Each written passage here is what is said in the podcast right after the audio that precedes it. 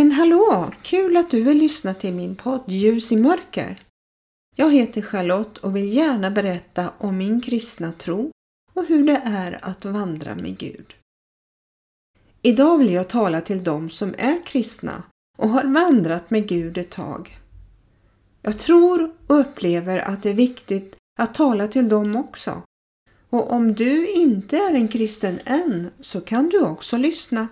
Vem vet, du kanske vill bli det snart och då är det bra att få undervisning innan du säger ditt ja till Jesus.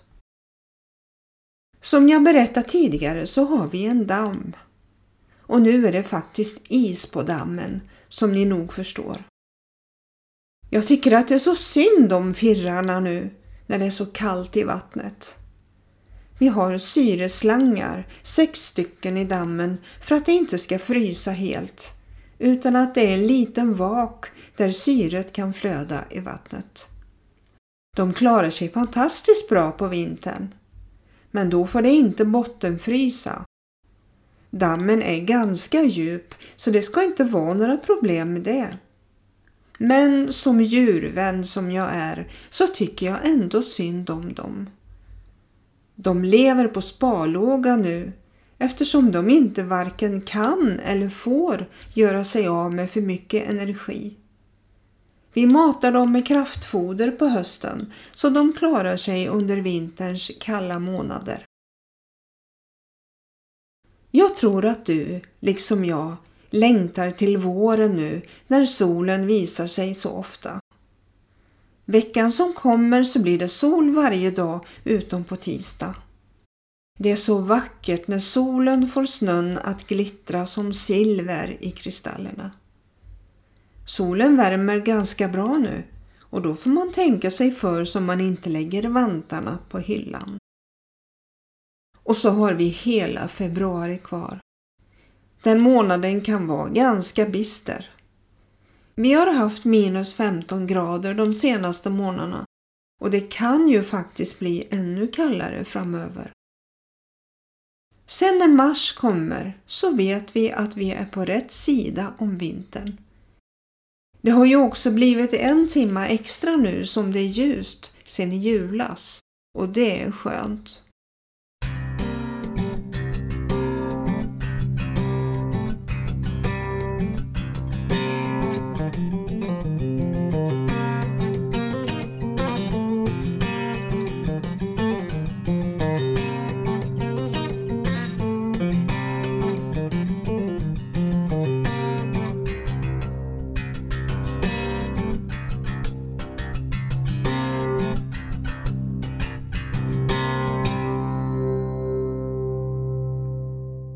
Mina tankar för den här podden har jag fått idag. Jag har haft så mycket att göra den här veckan och har inte haft varken tid eller inspiration att tillverka något nytt avsnitt förrän idag söndag. Men vi får se hur det blir. Det kanske till och med blir längre avsnitt än vad jag hade tänkt från början. Jag vill börja med att läsa ett bibelord från Galaterbrevet och från kapitel 6 och vers 9. Så här står det. Låt oss inte tröttna på att göra det som är gott, för vi ska i sinom tid få skörda, bara vi inte ger upp. Ta därför vara på varje tillfälle att göra gott mot andra människor och särskilt mot dem som tror. I kärbibeln står det Låt oss inte tröttna, ge upp på grund av omständigheter och tappa tron på att ständigt göra vad som är rätt.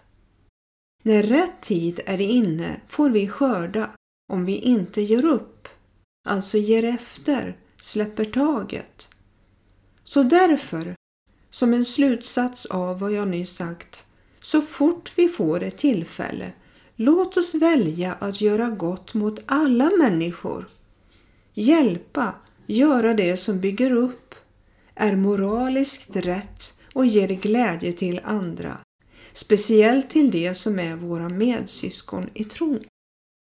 Mina tankar går naturligtvis till bonden när det står talas om skörd då är det bonden som har sått och går och väntar på att få se säden växa. Det måste vara rätt tid att så och så måste vädret vara växlande. Ömsom sol och ömsom regn för att det ska växa och bli en bra skörd. Jag kan förstå om bonden blir rastlös och bekymrad om det är kalla dagar utan sol och det bara regnar och regnar. Då kan det till och med hända att säden lägger sig på åkern och blir förstörd. Det är ju heller aldrig bra med för mycket sol utan regn då allt eller en del torkar bort och det blir då ingen bra skörd. Bonden måste vänta. Han får inte ge upp och börja plöja åkern och börja om med ny sådd. Jag läste nyss att när rätt tid är inne får vi skörda. Vad är det som vi kristna får skörda när vi sår vårt utsäde? Det vill säga att göra det som är rätt och riktigt. För ett bra tag sedan så pratade jag om goda frukter som vi som kristna ska bära. Jag kallade dem för Andens frukter. De är, om ni minns, kärlek, glädje, frid, tålamod, vänlighet, godhet, trofasthet, mildhet och självkontroll. De tre första frukterna, alltså kärlek, glädje och frid, kommer från Gud och bor i den troendes hjärta. Och de följande tre, tålamod, vänlighet och godhet, har mer att göra med förhållandet till andra människor. Och de tre sista, trofasthet, mildhet och självkontroll, är generella inre kvaliteter. När vi sår ut dessa frukter så får vi av anden skörda evigt liv. Det heter att vi ska vandra i anden, leva våra liv efter anden. I Bibeln används det grekiska ordet för vandra, nämligen stoikeo, som härstammar från ordet rad. Det är en militärisk term för att stå på rad, vandra i linje och marschera. Ordet beskriver hur en soldat går i takt med raden framför. Varje steg är aldrig kortare, aldrig längre, utan alltid exakt anpassat till personen framför. På samma sätt ska den troende följa den helige Ande i en jämn takt. Ordet beskriver ett lärjungaskap och ett liv som rättar sig efter Jesus under Andens ledning. Det som ska känneteckna oss kristna är att vi lever i kärlek och i frid med varandra. Vi är dock bara människor som, trots att vi har fått tron i hjärtat och blivit nya skapelser i Kristus, blir frestade hela tiden mer eller mindre. Det är därför vi har fått en vapenrustning som vi ska ta på oss. Och den består av frälsningens hjälm, Andens svärd som är Guds ord, rättfärdighetens pansar, sanningens bälte, trons sköld och beredvillighetens skor. Tyvärr så glömmer vi den här utrustningen så vi kan stå emot djävulens attacker. Och då är det lättare att falla för frestelser. Men vi ska som bröder och systrar i tron hjälpa varandra att stå, uppmuntra, visa kärlek och tålamod, vara goda och trösta varandra när det blir jobbigt. Vi kallas för levande stenar i ett husbygge som heter Guds församling på jorden. Vi kallas också för Kristi kropp, där var och en av oss är lemmar som samverkar för att kroppen ska användas till att bygga upp Guds rike på jorden. Om en lem lider så lider alla de andra lemmarna.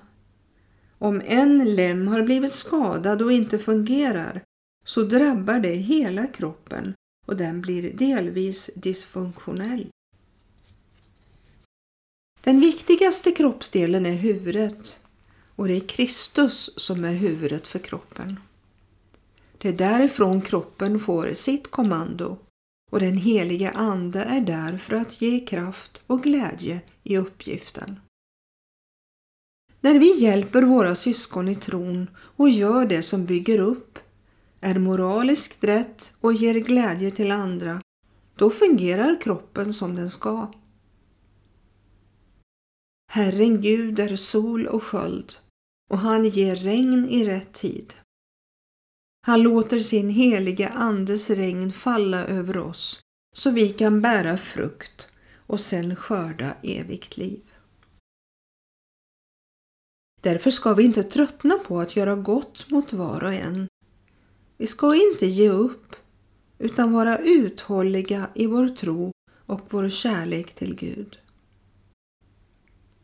Jag tänker på hur det är i ett äktenskap.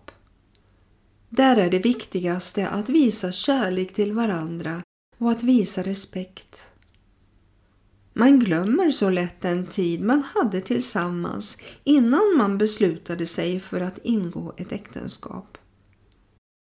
Den underbara känslan av att vara kär och vad det var som gjorde att man kände sig dragen till den andra personen.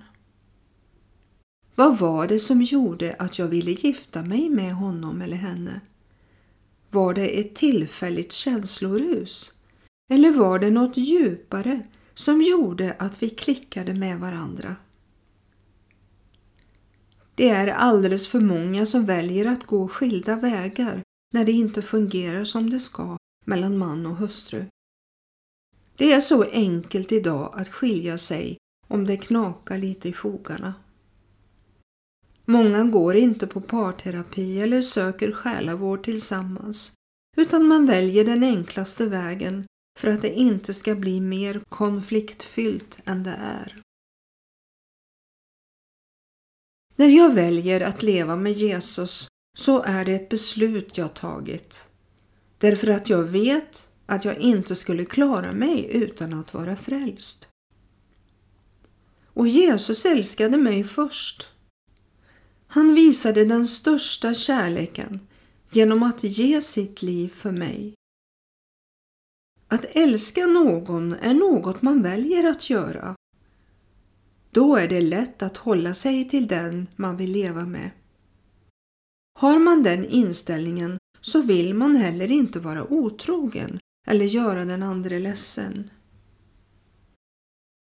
Sången jag sjöng i ett poddavsnitt jag har beslutat att följa Jesus och aldrig mer tillbaka gå.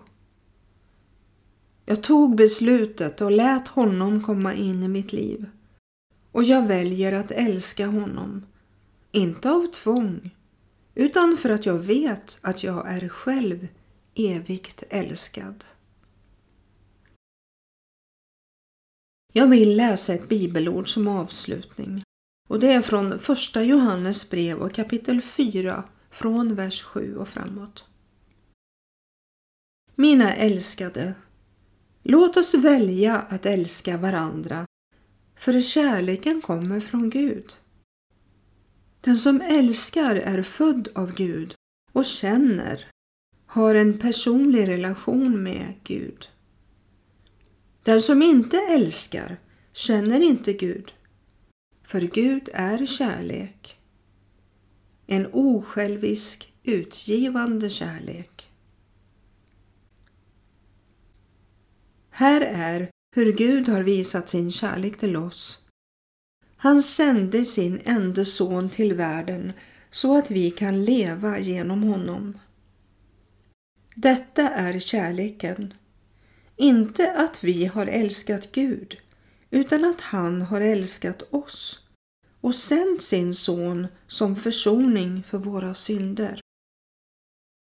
Mina älskade, om Gud älskade oss så högt, då är vi skyldiga att älska varandra med samma osjälviska, utgivande kärlek. Ingen har någonsin ännu betraktat, noga studerat Gud. Om vi älskar varandra, då förblir Gud i oss och hans kärlek har blivit fulländad, nått full mognad, sitt mål i oss. Han har gett oss av sin egen ande som bor i oss och har sitt ursprung i honom. Därför kan vi veta att vi förblir i honom och han i oss. Det här är så underbara ord och det gör oss så förvissade om att om vi tar emot honom och förblir i honom så förblir han i oss med den kärlek han älskat oss med från tidernas begynnelse. Han älskade oss först. Det är så fantastiskt. Ta emot hans kärlek och välj att låta honom få första platsen i ditt hjärta. Då har du valt livet, det eviga. Gud välsigne dig.